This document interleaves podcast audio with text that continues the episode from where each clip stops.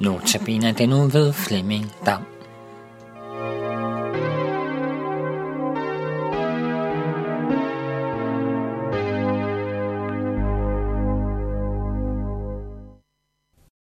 Jeg vil ikke efterlade jer faderløse, siger Jesus til sine disciple, da han forbereder dem på, at han skal dø.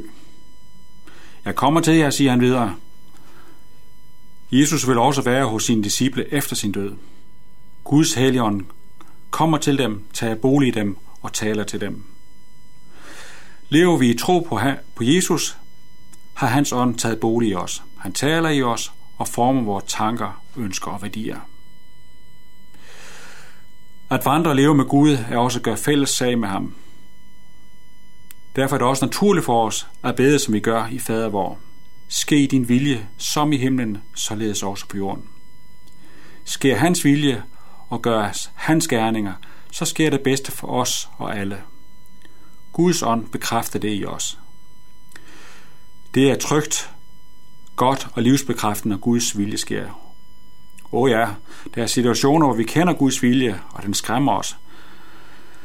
Men så kan det være, fordi vi har et snævert perspektiv, eller fordi nogle af vores egoistiske behov kommer i modvind.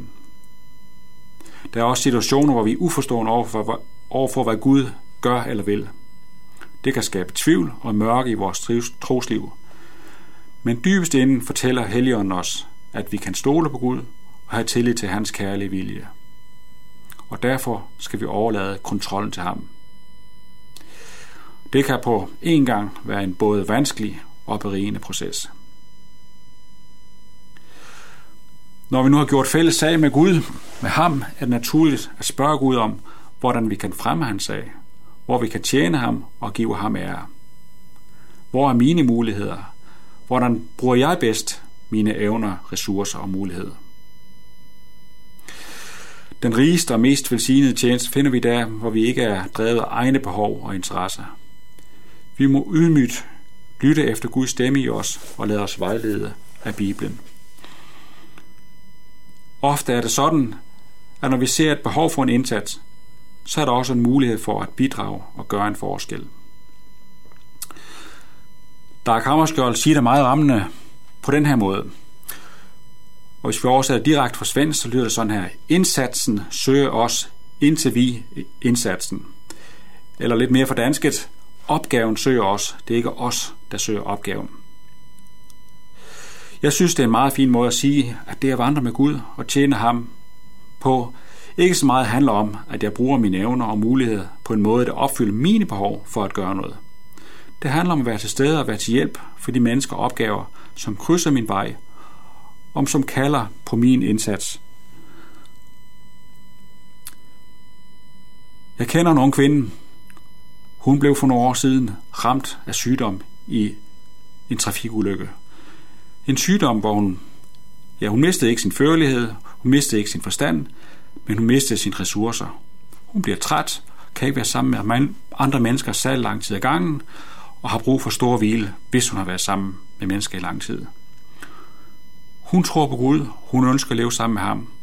Hun har spurgt sig selv, hvordan kan jeg tjene dig, Gud? Her står jeg med hæmmet af sygdom. Og med det åbne sind har hun levet og været.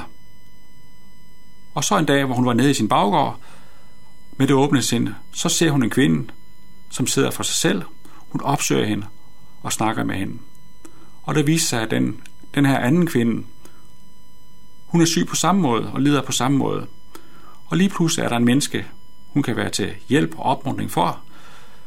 De mødes nogle dage senere en dag, for er hun også hende en buket blomster, og der er skabt en kontakt, og de kan dele liv og dele tro. Sådan opstod der lige pludselig en mulighed for hende, fordi hun var opmærksom. Og det mener os også om, at vi må være opmærksomme og se vores næste og se deres nød og være åbne for at hjælpe dem.